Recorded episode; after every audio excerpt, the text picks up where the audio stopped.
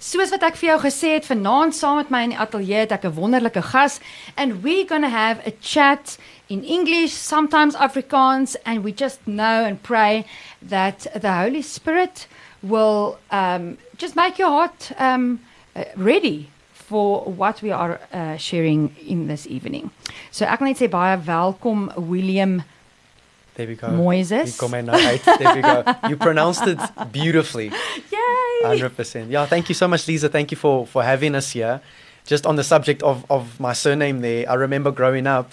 And I was like a karate boyki, you know. So my, my parents wanted to obviously get all the energy out Ja. of me, make sure he's moeg en op die einde van die dag. And then I remember you get so hyped up and pumped, you know, to go do your kata or whatever. Yes. Now you're waiting for them to pronounce your your surname. And so I'm like, okay, waiting, waiting, waiting. And then they say, William Moses. I'm like, oh, bro, you got to be kidding me. But then later on, I discovered that it's actually not a bad thing, Yes. which is which is obviously great. But yeah, thank you so much for for having us here. And it's an honor. Yes, and you know, I just want to uh, tell our listeners, uh, William uh, is in ministry, and the ministry's name is King in Me, and we're going to focus on that today. But William, as we start, uh, tell us more about yourself. Where did you grow up? Um, yeah, how did you uh, get to meet the Lord? And in that, did you study? Uh, What was what was happening in your life? yeah, no, it's been an absolute journey, and I'm also really blessed and privileged to have my, my lovely wife who's uh, joined us and also is working full time with us with regards to the ministry. So that's a real honor and a heart's desire that came true there. But yeah, so what happened was I. I didn't grow up in church. I didn't go to Sunday school, and we're not against that. Obviously, my wife and I would love to do it a bit differently. But yeah, I grew up in a in a great home. Like I never saw my dad beat my mom or my mom swear my dad or anything like that. Everything normal and Yeah. good. Absolutely. Yeah. Everything was, you know, kind of casual and had a great dad, like an awesome, awesome guy. Wow. Until, you know, those until moments within our lives.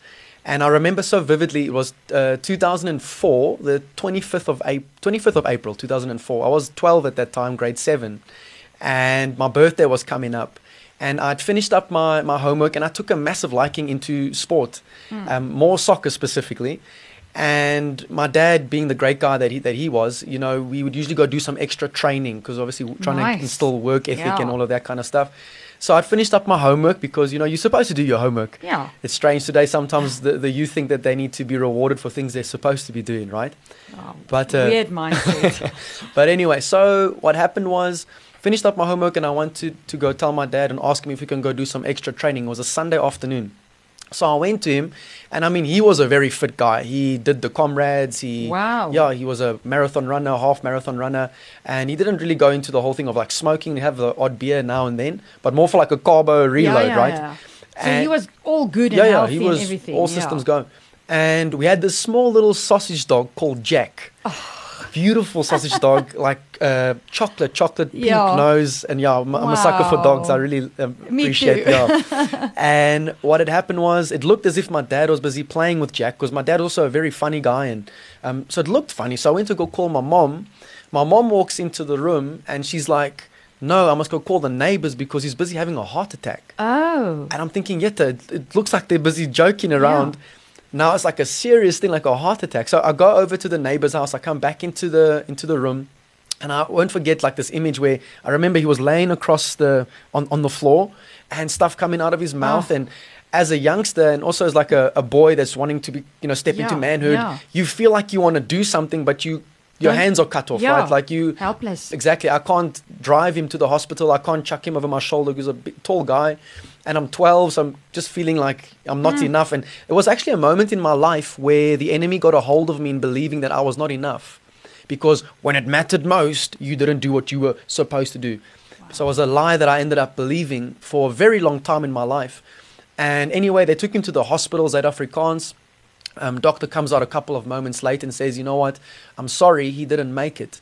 And just like that, and my dad and I, I mean, we had a really close. He was like not only my dad, but like a friend, Friend. you know, and just a great a guy, mentor. absolutely great guy. And he was just gone like this in a moment, in an instant. Sure. And I think also for some of the listeners, sometimes like that happens within our lives where certain things happen, and at that stage, it doesn't make sense. Like, why does this have to happen? Why now? But the amazing thing is that though the enemy comes to steal, kill, and destroy, Jesus came to give us life and a life of abundance. And God, in His sovereignty, is able to work it all together Yes. for your good. So it comes a part of your testimony, right? But I, I remember I was outside the hospital, and at that stage, like, I didn't know God. I, I knew of God, But not, not personally. personally. Like, for example, I know who the president of the country is, but I don't know whether he likes Nando's or KFC or whether he likes to go to Menlyn or, you know, I, I Yeah, don't no, know. don't know, Don't know. But I know of him. And that was my kind of walk with God at the stage, at the time. So what had happened then was I remember it was a moment of grace because isn't it amazing that even though you don't know God and you are so far away from Yeah. Him, He still knows you.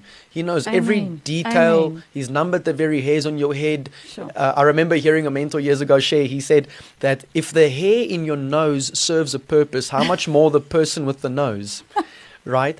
So um, God obviously had called me for a purpose, and I, I was outside the hospital, 12 years of age, and I said, these words came out of my mouth, and I knew it was, I know it was His grace Yeah. looking back today, and I said, one day I will play professional soccer.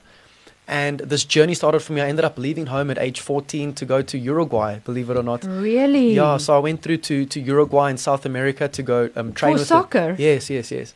So I left mommy at the house, and I'm gonna go become a man now. And at 14, get on a plane, and went through to um, Uruguay. Initially, was first in Brazil, Mm. and then um, the the long the long term kind of opened up in Uruguay, which was a completely different Sure. uh, in experience. And I mean, 14 years old, I don't speak Spanish at the time. I didn't speak Spanish, and it's a the did you get, uh, so, sorry, Yeah. just to interject there, did you have a, a sponsorship or how did that happen? Um, so what happened was initially we had played a so they took a group from South Africa to go play in Brazil initially. Okay. So there was a feeder team from Brazil, a professional team Mhm. from Brazil that kind of connected with a local Pretoria team, uh, school, um, cl- yeah, in, in Pretoria. And so we went as a group first to Brazil, and Okay. then they'd invited me back for like a two-week training program to see if we can kind of adapt to how things are there. So then went back to Brazil for two weeks. That was also a whole other experience. I remember sitting on Sao Paulo airport, like you know, as a 14-year-old, and these people are speaking Portuguese, like yeah, yeah, yeah, so I yeah, don't know yeah. what's going on, and it was yeah, just like an ex- massive get out of your comfort zone experience. Yeah. experience. And then the whole idea was I was actually supposed to go to Brazil then the following year. The only issue was the schooling was going to be strictly in Portuguese. Oh, So my mom was kind of big on education and stuff, Mm. and um, so I tried to learn a bit of Portuguese that December. But then the Lord, in His faithfulness, opened up a door in Uruguay instead, where I'd go to like a bilingual school. So fantastic. yeah. So you can speak English there. Yes, I can do Okay. I can do my subjects at least in, Okay. in English. So then that's why the Uruguay door had opened up. So then went through there, and there, yeah, obviously it was just a massive, massive blessing. My mom obviously played also a massive role in Sure. just regarding you know from a sponsor perspective, as well as I mean, age fourteen, letting your son go is a is a is a big thing I can imagine for Yeah. for for a mother, I believe. But yeah, it was it was a blessing. Went through there, and then 2006 came back, and then God opened up a door for me to go to a soccer academy in Johannesburg, which was going to be a whole different experience because Yeah. in this house I would be the only white boy living in a house with 23 black guys for about seven years. But through that whole experience, God helped me to pick up how to speak Zulu and all of these things. Fantastic. Yeah. Okay. So he's working the whole thing, you know, and uh, and then by God's grace, the dream realized in 2013. Ended up signing my first pro contract with the team in Bloem. But before we get people clapping hands and whatnot, I want to rewind back to my mistakes. I remember age 15, Uruguay, December. I'm about to come home, and we were in a park in Uruguay. And next thing, one of the guys, uh, friends from the school, not from the soccer, but from the school, they pull out a alcohol bottle. oh, Yeah, and uh, you know, people are there, peer pressure's there. You don't Sure. act like you. you Yeah, know, yeah, you yeah, gotta be a man. You know, you got to yes. yeah, and put alcohol and got drunk for the put alcohol on my lips and got drunk for the first Ah. time. Came back to South Africa, and it just got worse. At the same time, trying to pursue a career in professional sport, right? and being fit and healthy. Yes, yes, Ah. yes. And it just got worse. Started to then smoke and uh, and started to then smoke weed at a stage, to the extent it went so far that to kind of come December time, because at the soccer like we were at an academy, so we weren't getting paid money to play, and obviously need to kind of support this lifestyle. So thought it'd be an entrepreneurial idea to start selling weed because people like weed and terrible decision. But we got to connect in in a, a township locally here in Pretoria, and we got he was like our guy that was supplying, and then we would just kind of sell these things off in the nightclubs, Sure. and just terrible until the, again another until moment. until my mom called me the one day. I was 18 at the time. My mom called me, and I remember so clearly. I was in Brooklyn Mall in the basement in the parking, yeah. Yep. and she called me and she said to me, "You must come home now." Now, in mom language, that means you're in trouble, Yeah. right? Yeah. So I get back to the house. She's like, "Get into the car." I say, "Where are we going?" She's like, "No, get into the car." So we're busy driving, and obviously for the listeners who are familiar with Pretoria, we in Late Street in Sunnyside, Yeah. and we stop right opposite the Sunnyside police station. Ah. Yeah, and so I have this feeling that we're gonna go inside there. And that at that stage, I had these two fake diamond earrings in my ears because I thought, you know, you have to, for you to be this pretty boy, Oh, you have to have can these imagine? earrings. And I mean, my like music. And just on a side note, quickly, Yeah. music played a massive role in my life in like in what was influencing my way of thinking and my way of doing life so i really grappled and um, held onto the hip hop culture specifically because a lot of these rappers they spoke about like you know they grew up without dads so i was like mm. oh okay i can relate to that. But then they would take me down a rabbit hole of doing all the wrong things mm. thinking that that's what it meant to be a man. So you have to be a gangster you have to be ah you know that kind of vibe guns and whatever for you to be like this man. You know you have to mm. have multiple women you have to get drunk you have to get high that's what you got to do to be a man and that was the lie that i'd believed in this whole thing of trying to prove that i was enough right Yes. of that initial lie that I'd latched Yes. onto. And yeah, and I just feel like some of the listeners that are that are listening, like there's some of you that are listening that have really latched onto a lot of like false identities. And the Lord Jesus, I really believe, wants to set people free from those false identities, kind of like Lazarus, like to take off those grave clothes and step into the destiny that God Amen. actually has Amen. for you moving forward. You know, because once that, that whole fear of man falls off of you, I mean, you really begin to catch momentum then with the Lord Jesus. And Um, yeah. That lie that you started believing, I mean, that was the day when your dad died. Yes. the, when that lie came in and you felt Yes. you're not enough, you wanted Yes. to do something. Yes. And you, isn't it uh, how the enemy works? Um, such a bully where you are actually at such a vulnerable place Mm. and you will believe anything. Yes. And uh, so, how did the Lord set you free from that lie? Awesome. So, yeah, so the thing about that lie also, as a youngster, I didn't know I believed the lie. And that's like the thing of deception, yeah, right? you there's a veil. Yes. Like the thing is, I remember also a mentor years ago shared with me that the thing about deception is that the one that's being deceived doesn't know that they're being deceived Yeah. because it's not as obvious to them. No. You know? Maybe the people around you can see it. but- Absolutely, absolutely. And that's why I, I, one of the reasons why I cherish my lovely wife so much. My, one of my nicknames for her is Blind Spot. So, so she's able to, and obviously vice versa from me to her. Sure, that's and that's that, that accountability that kicks in. So, but anyway, so at the coming back to the police station, Mm. my mom then takes me in. I make sure I get rid of these diamond earrings because one place you don't want to look cute is in prison, right? So. Mm. I take these, I take these earrings out. My mom takes it out, man. She chucks it into the street, and there goes my twenty rand De Beers investment, um, down the down the drain. and we walk in, and the officer comes to her and obviously says, "Hi, ma'am. How can I help you?" And she looks at, at him and, and looks at me, and she says, "Lock him up. He's a pusher." My own mom. And some people might be like, "What kind of mother is that?" kind of thing. But I needed that Yes. tough love, and God Yes. had used my mom at that time to bring about that necessary Sure. discipline at the time. And obviously, at that time, like, how can a mother do you know that kind Yeah, of mindset? yes, yes, yes. Who are you? You Yeah. know, blah, blah, blah. And lo and behold, they obviously got talking, and praise God, they um, she then decided, no, she'll take me back home. Oh. So, but at that point in time, I was done selling weed. Like, I haven't gone back. Thank you, Jesus. Like, I was Oh, out the game. the Lord, yes. And I then went back home, and obviously, the, in the January January time, I went back to the clubhouse where I was staying in Joburg, and then I made the next dumb decision of my life, and I decided to basically be homeless. I'm like, I'm not going to go back to the house, so I'll be at Joburg during the week, and then I'll take like taxis in downtown Joburg.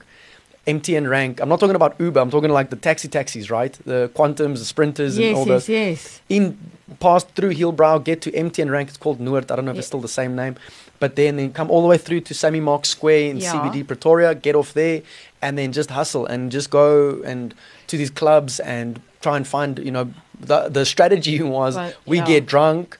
Then you forget about your issues, and then you try to find a you know girl or whatever, and try and do what you got to do, uh, or find friends, and then just kind of stay by their house, and then come back on the Sunday or whatever the case might be. And but but still doing uh, soccer. Yes, during the week. Yes. And this was like this, just like, yeah, Double double, complete double life. And so yeah, one of the reasons why I decided not to go back home is because for I had a thing inside my side, my heart like I didn't want to disappoint my mom. You know what I mean? So I didn't want that. So I decided because obviously you can smell if someone's drank alcohol and weed also stinks and you, there's like a constant anxiety because you got to keep on hiding stuff the whole time. Either I used to keep like sometimes in one of the uh, one of the cars keep like a uh, what's it. Col- yeah, Colgate. You know, just to, so my mouth doesn't Ah. stink, and then some aerosol spray just that I don't smell, and people can't pick this up. And and thing is, another lie that I ended up then believing was that I needed these things to give me quote unquote life, but all it led to was death, and a death in abundance. Like it's led to depression, suppression, compression, all these other pressions. Until again, and this is where the change coming to your question. Yes. Until the one night, 2012, by the grace of God, I'll never forget it. I was at a club or a bar, shebeen, whatever mm. lingo people are used to. I was there with a friend of mine, and we at that at that night for some reason, and I know it's God now today, but we were just getting rejected by people. Like we would go and it's like there was like these walls, so mm. go try and you know hustle, hustle, mm. and then closed, closed, closed. And then I initiated leadership and I said to, in my drunken state, and I said to my friend, listen, bro, let's just walk to your grandmother's house. Now, to give you perspective of this long walk to freedom, we were by, the place doesn't exist anymore. Um, for those former party animals listening, it was the Rust. It was there opposite Grove Mall. It's now old age home, believe it or not. Really? Yeah.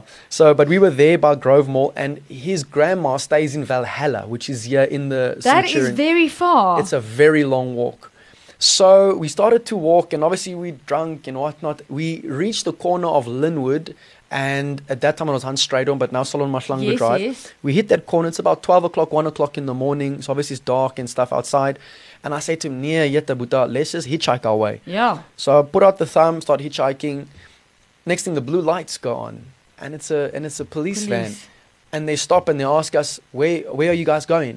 So I explained to them. So I'm trying not, not to get close to them because Yeah. obviously we stink and stuff. So I tried to explain to them, yo, listen, we're going to Valhalla, blah blah blah blah blah. They're like, okay, fine, get Yeah, in. They'll take yeah. us. I'm like, oh wow, this is awesome. So I thought they're gonna put us in the front of the car with them. They open up the back oh, of the of the The van. van. Yeah, yeah. And they put us in the back of the van, and it was my prodigal son moment, where I came to my senses, and I was thinking, Yeto, uh, what, what is this? Can't be what life is about. This cannot be. I mean, and sometimes also within that life of you know trying to be gangster or trying to be cool, like people can people can tell you a story that is so full of nonsense. Like they tell you, "Yeah, I got your back," until you end up in trouble. Then they're gone. Then they go, you know, for example, also, and we'll maybe talk about that a bit later, Mm. but we've worked also before with, with kids in juvenile detentions. Mm. And we asked them the question, yo, listen, since you've been inside the, the center, this, the detention center, how many of your boys that said they have your back come and visit you here? Like, do they bring you KFC? Mm. Like, what happens? And it's usually like the grandma that comes through, you know, the ones Yeah. that genuinely care Yeah. that come through for you. Not of, none of the other one. uh, Exactly. Because no. God wants our hope and our faith to be in Him. Because us as people, the reality is we do potentially hurt each other, make mistakes, and Yeah. we're all busy journeying. We're all on this journey of discovery, every single one of us, over 8 billion Yes. people. But uh, yeah, so that night they put us in the back of the van, and I and they were literally giving us a lift. When I look back today, like I have this theory. I'm not saying that this is the truth, Yeah, but I have this theory like maybe those were angels that like stopped and and picked us up. Because obviously like you know south africa does have a racial um, past and, and Mm. racial tension. Here's two white boys busy walking. I mean they could have treated us like absolute you know trash and nonsense but yet that didn't happen. And did they actually take you to Valhalla? They took us halfway so Yeah. we, we were at the one mcdonald's i don't know if you know where castle gate. Yes, yeah so that yes. mcdonald's right opposite there Yeah, yeah. so they, they dropped us there, and then we, we got off there, and then we walked again, and then another security van stopped close to the Air Force Base. yes. And then uh, they asked, "Waar? And we said, no, we're going to Valhalla police station. Because that was close to where Yeah, the house yeah, was. yeah. It's like, okay, fine, come. And they took us and they dropped us. And we managed to reach the Omar's place. And then the next day, I, I woke up and I don't know when's the last time I'd seen my mom. And I pick up the phone and I say, Ma, I want to come home. And she, yo, thank Ah. you, Jesus. Yeah. So she, she That came must have and been a call that your mom has waited for. Perhaps, yeah. Because in in her mind, she was thinking I'm at the academy, right? So Yeah. she don't She know doesn't know about this this oh, life. yeah. Yeah. So and she knew obviously I was fung biki poof on and all of that, right? But and uh, she came and she she picked me up that day, And then the Monday, I went back to Joburg to the clubhouse. And I remember it was a Thursday afternoon. And may this bless someone that listens to this in so many ways. It was a Thursday afternoon. And I mean, I had two roommates. It was three of us living in a room. And I mean, it's a tiny room, maybe the size of this studio, three of us staying in there. And I was sitting, my feet were up, my roommates weren't in the, in the room.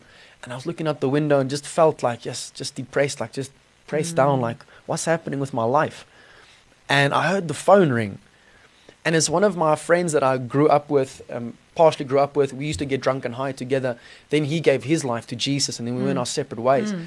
And he called me that afternoon, or yeah, it was afternoon. He called me that afternoon, and without knowing anything that I was going through, and he said to me, "Bro, what are you doing on Sunday?" I said, mm. "He says, come to church." I'm thinking, "Church, bro." this is not gonna work. So, I, my back's up against the wall. Let me might just go. And I went, and like I don't know what some of the listeners believe about God and whatnot, but I can guarantee you guys that He's real, because what had happened was the previous week Sunday, I'm on the one side of the road in the back of a police van. Literally the following week Sunday, I'm in a church on the opposite side of the same corner where I got picked up by the police the weekend mm. before. It's CRC. And and ended up they were still there, they still had a tent at that time. Mm. And walked in there and Jesus just blooming got a hold of me and it was like just yeah, we done with this life. Sure.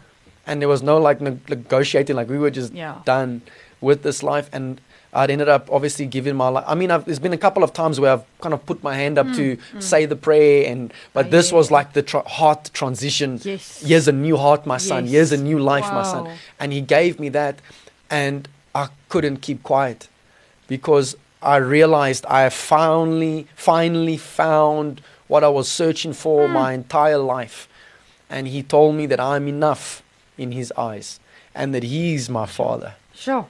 And no matter what happens, He will always have my back. And I can always walk with Him oh. because oh. He's by my side every single, every single time. No matter who rejects me, no matter who says what about me, I can just walk with Him. And then a couple of months later, I signed my first pro contract. And but I went right back to that clubhouse where I was staying, and the guys know how I used to be. Now I'm telling them about Jesus, and they started calling me names like you know in a joking way, but I see also as like prophetically yeah. in a sense because they were calling me Mfundisi, which is pastor in Zulu, yeah. and yeah. calling me all these names and start praying for people, praying for the coaches. And it was just like God had lit this fire inside of sure. me to just share like my story and to share what God has just done for me. Like, mm. even if you don't believe in, in God, I do, and I'm going to tell you Amen. what He's done for me. And whatever you do with that, that's your choice and yeah, gave Jesus my life and then had signed the contract. But after giving my life to Jesus, it just became more and more real, like what I wanted to do. Mm. I just wanted to share this with as many people as, as we possibly could and just get the news out. And then 2015, and this is now where we're coming into the ministry side, but there was a transition that took place mm. where things for the soccer, you know, things were just not working out anymore with the soccer. Yeah. And I was in church and a call went out. Mm. I still to this day I don't know who the pastor was, but the Holy Spirit was definitely mm. talking. And the call was there's some of you inside this room that need to let go of something in your life. It wasn't a call for you to give your life to Jesus. It mm. was like there was something you need to let go of. And I just knew that day I need to give God football. And like football was quote unquote my life, right? It was yeah. my whole I built my identity around, around it. it. Yes. And yeah, I gave God football in my head thinking I want to be working for the church. So on the Monday, I pitch up at the church, yeah. have a meeting. One of the pastors like, hey guys, like I'm here. Like, you know, how yeah. do you oh. sign me up? Like, how, let's start. Like, how do you do this thing? And it didn't work out, but it's not because they're bad people. It just wasn't the way God wanted it to go. So now I'm thinking, yet that, what I'm supposed to do yeah. now? You gave football yeah. up and now what? What's going on now? So a door opened up for me to do some part-time work selling blooming perfume. so I was selling at Menlyn Mall uh, promotional work at Edgar's. Like I had like a whole ah, Bob yeah, the Builder yeah. belt with different perfumes: J- Justin Bieber, Nicki Minaj, Taylor Swift, Britney Spears perfume, selling perfume. But yet, Lisa, I was just seeing God move. Like I saw one of my colleagues. God told me about her back, and then saw her leg grow out in Jesus' name and bring healing to her. And God was just like touching people, until this one day where my mom ended up in a car with one lady who was in the entertainment industry, part of Lever Axie, believe it or not and they were talking and whatnot. And so the lady came up with an idea. She's like, okay, well, he used to play soccer, mm. he speaks Zulu. Let's shoot a video of him commentating a game between Chiefs and Pirates, but in Zulu. Yeah. So, okay, cool. Sounds like a yeah. sharp idea. We shot my first ever video, yes. 2015. And we shot the video, didn't think too much of it, and praise God, my mom actually took ni- initiative and she hooked it up onto YouTube. Yeah. And it was doing all right uh, to the extent we managed to get a gig at Supersport. So then we were, yeah, so then we were doing some commentary at Supersport, but it still wasn't the alignment Yeah, that yeah, yeah. it was still like trying to do things for for popularity and for the Mm. sake of acts at Supersport kind of thing. And God said something so powerful: um, always choose purpose over popularity, because that's where the fulfillment is. That's where over Yes, that's where the that's where the satisfaction is because there's nothing, and this is the genuine truth, and the only truth. There's nothing as fulfilling as following Jesus Christ and fulfilling the work that He's actually called you to do. There's no amount of money, no, and not not that money is bad, right? Yeah. But there's no amount of money or fame or anything that can give you that sense of fulfillment of well done, my good and faithful servant. Amen. There's nothing like that whatsoever. And even if the world doesn't understand, Yeah. because the things of God is foolishness to the to the natural man. yeah. But to those who are discerning of the spirit, it's it's it's everything, True. and it's true gold, laying up for yourselves treasures in Mm. heaven, right? And uh, but yeah, so then I was at Supersport, and then I had to tell them, no, listen, I'm not going to carry on with this because even at Supersport, I'm telling people about Jesus, like, yo, listen, yeah, Jesus, blah blah blah blah blah blah, because that was the sweet Yeah. spot. And then God started opening up doors at schools. So Ah. initially did a school in, in Mamelodi and from there picked up the phone the one day and called Sunnyside Primary School. Shout out Mr. Best if he's listening.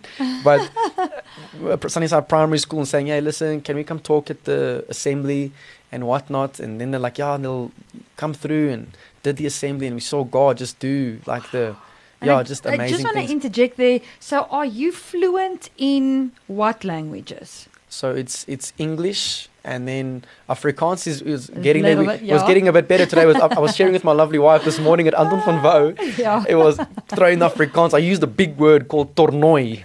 Toer- toernooi, yes. Okay. Yeah. So and then yes, and then Zulu and you can obviously pick up a bit of Pedi and, and stuff like that. But and obviously, the fact that you can speak Zulu fluently, the Lord opened up doors at these schools for you to come and minister and give your testimony. Absolutely. And that's just again the, the power of, of, of God moving on a language. Sure. And I mean, even if you don't even need to necessarily know like a, a la- the whole language, just like one word, yeah. it breaks that racial tension Yes. Like instantly. Even if you even mispronounce it, people are like ha ha ha ha, you know. Yeah. And you got to be willing to look like a fool initially, right? Yes. But it's just amazing how God can just give you tools and strategies on how to instantaneously just connect with people that they are in like this bubble of Yeah. His wonder, Yeah. and then boom, the heart is open to receive Yes. whatever He wants to Yes. release, which is great, and just receive whatever that divine utterance essentially is. So yeah, then we were at schools, and then God started opening up doors and getting us to host events like seminars. So we started doing destiny, identity, purpose uh, seminars. And, is that you and your wife doing it together, or is it? Are you part of a group, or Yeah, so that's so that's King in Me specifically. So Ah. f- from all of that, then Yes. King in Me was essentially essentially birthed, right. where basically we've got different programs and, and services and products specifically. That the whole purpose of it is to be a voice to empower others to recognize their identity, which is in Christ, because from there you discover your purpose and potential, Yes. and then from there you get released into your into your destiny. Mm. So it's different um, services and different products and different uh, just tools that, that God has blessed us with in order to to reach the masses wherever they might be. You know, Paul says, "I become all things to all people, so that by all possible means I might save some." So if we need to, um, yeah, because the crux of the purpose is to be a voice right? And so we can do that through speaking engagements. We can do that through media, like here today. We can do that through shirts. We can Mm. do that through um, soccer. Is one of the programs also that we have. We have a soccer school. wow. Yeah, so it's a, the whole mentoring program for boys to become men Yeah. and stuff like that. So, yeah. in the King in Me ministry, um, how many uh, colleagues do you have? Are, are there different people um, taking responsibility for different stuff in the whole? As you say, there are teachings and Mm. workshops and Mm. whatever. Mm. So at at present moment, the the way that we are multiplying and to try get more stuff out there is obviously through video. So through Oh, video, okay. through audio, and so forth. So, for example, we have uh, various YouTube, well, got a YouTube channel and various social media stuff, which is one of the places where obviously a lot of young people are spending their time um, predominantly. So that's one of the channels. So the idea is we go forth, myself and my lovely wife, just to kind of break open ground and so forth. And then from there, the idea is to get them plugged into the school specifically, to get them plugged into. We've written a couple of books, like little um, Oh, workbooks wow. and devotional books. And the idea of the devotional tool Yes. and the workbook is to direct them towards the social media, and from there, they, I mean, there's over slightly over nine, just over 900 videos just on the YouTube channel alone. That you Um, you guys have already done. It's yeah, there. yeah, it's there. So is it you and your wife speaking? Um, So- so and is it like with a home camera or how, yeah, I mean, like it's start? it's really really raw. I mean, like it's because I feel like there's sometimes so much. yeah Um, yeah, I believe more in like just getting the news out Yeah. there, and if it's being real. people are going to relate to it. Like Yeah. if I, yeah, so we do like the thing by God's grace, we've at least now elevated to having a, a gimbal and Yeah, you know a little ring light here and there. But we try and keep it raw so that we can still be relatable to people. So we Mm. we don't want to come across as that we are like the, the Yeah, know-it-alls. We want to be like, yo, listen, we're just Yeah. like you. We're all journeying. We're all discovering things, and we just from our side just basically share what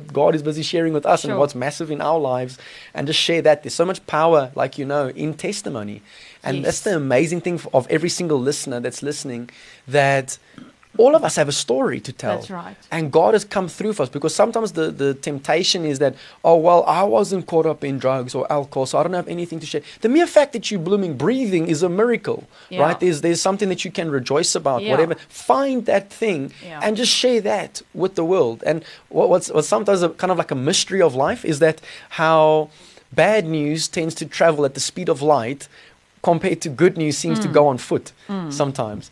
Where if we can reverse that Yes. and get understand like as a country we're going through stuff but yet there's some amazing things happening Yes. there's some greats, and if we can just populate the airwaves with that and stop being so fear driven by stuff and actually get the right things out there because mm. how does faith come faith comes by Hearing hearing the word of God. absolutely which is what you guys are doing here at at pulpit so yeah i hope that answers your question No, fantastic. um, so, for you and your wife, are you two full time in the ministry? What, uh, how wha how does your day to day or week? What does it look like? Awesome. Yeah, no, so it's it's I must say, and I've shared with my lovely wife, it literally feels like and I don't want to sound cliched or motivationally or anything, but it really is genuinely the truth. I feel like we are living in a dream. It feels like so it's unreal, but it's real because yeah, it's like just um, it feels like we like there was a movie years ago called Bubble Boy where he was mm-hmm. like in like this bubble, and it feels like we're just in God's bubble, and He's just Sure. opening up doors because I realized in my life that Sure. His grace can take me places where my self effort will never get me. Yeah. And if I can just surrender to His leadership and His lordship and not be preoccupied with the platform, but be preoccupied with Him, He mm. will get me to where I need to get to. Mm. Like it's inevitable, right? He's going to get me to where we need to get to. He's going to open up the doors. He's going to move in people's hearts. And the more I begin to understand that, then there's less room to try and manipulate to get your way or to connive compared to like how I used to do things before I got born again. So you have to manipulate your way, Yeah. say the Yeah, right yeah, things, you know. Versus now, it's like, yo, listen, he's my father.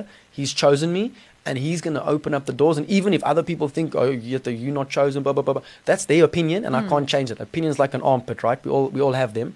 And some stink though, but but anyway. I like that. Yeah. So so just follow, just following him, and so yeah, my lovely wife and I, we are we are by God's grace full time in it, and I mean every single day it ranges. We have a couple of groups that we work with on a more frequent basis because Yes. fr- from the schools it's now by God's grace um, trickled through to corporate. So God's opening up doors in different businesses to literally go share with the staff because we God helped us realize that Sure. the the kids let's just talk about bullying quickly Yeah. so bullying doesn't stop at school it happens in the boardroom it happens at home Yes. it happens everywhere and every True. single person on the planet wants to know that they are valued every single person wants to know that, that they need encouragement rather right so god started opening up doors at, at corporates too because you'll find that Yeah. these people that you maybe quote unquote look up to and seems like they've got everything together. They got the lacquer car they got living in an estate and everything seems right on the outside hmm. are dealing with some really hectic stuff whether it be a pornography problem whether it be a maybe potential divorce issue and so forth and You're everyone right. is facing something in these different areas of life whether it be spiritually emotionally physically financially purposefully Yeah. in whatever area. And God started opening up doors at these corporates. And I, I remember when He first started opening up the doors, I was thinking, yet the Lord, what on earth am I going to tell these people? Yeah. Because it looks like everything's sharp. And He shared. Yeah. They're also going through stuff. And it's the same quote unquote principles, right? That you're just teaching the youngsters, just bring it over to the corporate space. And um, yeah, because I really I'm, I'm fascinated about like the whole how business works and how people think and how they operate in entrepreneurship. Like there's something really that's like a passion passion of mine. And you know what? To bring the truth and the light into corporate and in business, because um, many years ago I was uh, also working in a corporate environment, um, and uh, w- yeah, things happened, and I was like, "This is not right," and I was answered by, "Oh, this is business." Mm. And so I think there's a lot of this is business things happening out there, Yes. but that's Yes. not above board. And I mean, when the Lord sends you out there, how amazing Yeah, to no, to to share the gospel, but also gain an understanding of what's Yes. happening in business. Yes. Anyway, I want to ask you if people want to get into contact with you. Yes. How do we do that? Because our listeners are uh, intrigued tonight and we are inspired, and uh, maybe somebody wants to call you to come and minister there or at a school, at a church, wherever. How do we get hold of you? Awesome. So we're keeping it old school, so an SOS. Yeah. No, no, I'm just joking. I'm messing with you. so we are on different um, social social medias, Yeah. uh, namely Facebook, TikTok, uh, Instagram, Twitter, and so forth. Obviously YouTube, and they can Yeah. catch us at King in Me. Like I shared with you earlier, it's not killing me, No. but King in Me specifically. They can Right. just pop us a message over there. Do you have And email address or a also- website? Yeah, we also have a website, kinginme.coza. So .co.za. Yes, Right, King in Me, that's one word, obviously, .co.za. And then there's a website there, in, info at kinginme.co.za or william at kinginme.co.za. Well, you know, William, that is, uh, I feel so inspired um, this evening, but we still have a few minutes. Awesome. If there is a, uh, there must, there's a lot of messages uh, that that I believe that's in your heart. But if there's something that you want to leave with our our listeners tonight, please share it with us. 100%. So I remember, thank you, Lord. I remember years ago, I was on Tiny Google, right? and came across this really powerful picture about the two meanings of the word fear. And I believe that one of the biggest things that holds people back in life is, is fear. And the awesome thing is that our Father has not given us that attitude, that No. spirit, but a spirit of power, power to get the job done, love, to continuously connect with others, and a sound mind to grasp His perspective in order Mm. to execute that on the earth. I mean, And I remember seeing this picture, and they put it in an acronym, so acronym, right? yeah, yeah, yeah. Meaning that every single letter means, Means something word, specifically. yeah. Yes. And the first meaning was the first meaning of the word fear, which is more from a victim perspective, which Yeah. is to forget everything and run. Oh, So, forgetting what God told you, forgetting about the encouraging words that were spoken over your life, forgetting about the prophecies that were proclaimed over you, forgetting God's promises, and just run away and end up submitting to mediocrity and just becoming another statistic of society, which I believe is not the case for the listeners here today. Because then there's the second meaning of the word fear, acronym again, which is instead of forgetting everything and running and trying to just escape life in mm. order not to deal with mm. issues, is, and I feel like it's such a timely word also for South Africa because there's some issues that we need to be willing to address in order to effectively move forward. We need to put some, you know, um, some some medicine on the wounds in order for it to heal. We can't be like, there's no wound, there's no wound, there's no no. There's Yeah. a serious wound there that needs to be addressed. The elephant in the room. So the second meaning of the word fear over there is to face everything and rise. sure. To face everything And and, rise. rise. And the way you do that effectively, the way you do that successfully, efficiently, and victoriously is not by yourself. And if it would be okay with you, I want to close with a little story quickly. Yes, so please do. there's this story of this young boy. He was about 16 years of age, and he went onto YouTube the one day, and he was busy scrolling mindlessly, like we sometimes do, going through those reels and checking, checking, checking. And he came across something that really caught his attention, where the caption read, "16-year-old builds a treehouse with his bare hands." So he instantly related to Yeah, it. He was yeah. like, "Okay, wow, he's 16, I'm 16, let's do this." Yeah. So he watched the video, but he did not watch it until the end.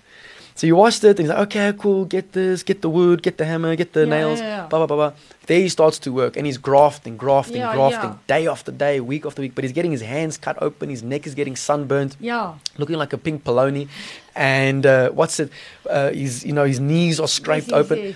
And he had this very gracious, slow to anger, abounding in love and faithfulness father who was watching Oh. him from the distance. And his dad to him the one day, months had gone past, and his dad said to him the one day, My son, why are you not using all your strength?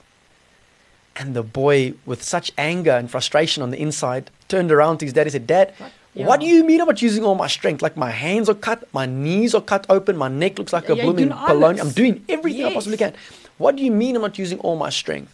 And his dad responded to him and said to him, My son, the reason why I say you're not using all your strength is because you have not yet asked me to help you. Mm. And that's sometimes the case, Sure. especially in the fast society that we're living in today. Yeah. And it's go, go, go, go, go, go, go.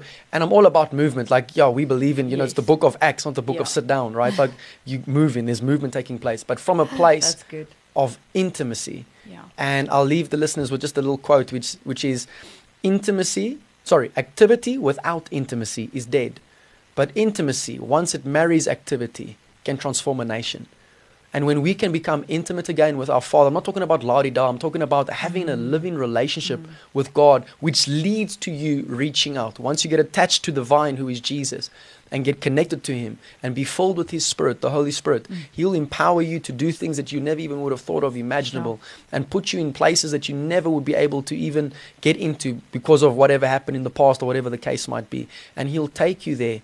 And once you have finished, it's mm. just the beginning of eternity with Him together. Because what is time? Time is simply a small little piece of eternity that we have to make an impact in the lives of others. And when that's all said and done, we go to be with our King forevermore. And how much more glorious. But until then, we all have got an amazing purpose and a work to fulfill and to make sure that we run the race.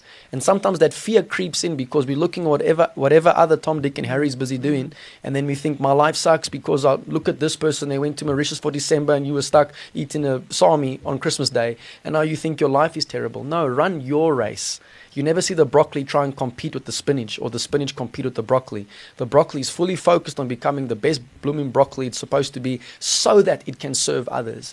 The spinach, same thing. And when we can begin to focus on God, on Christ, and what He has called you to do specifically, and you become masterful at that at the end of the day, you are a blessing to the nations. And can you just imagine, Lisa, when all of those different gifts within the body begin to kick in and begin to gain massive momentum, what we will begin to see in the lives of others, what we'll begin to see within this nation, because this country, South Africa, is still God's nation.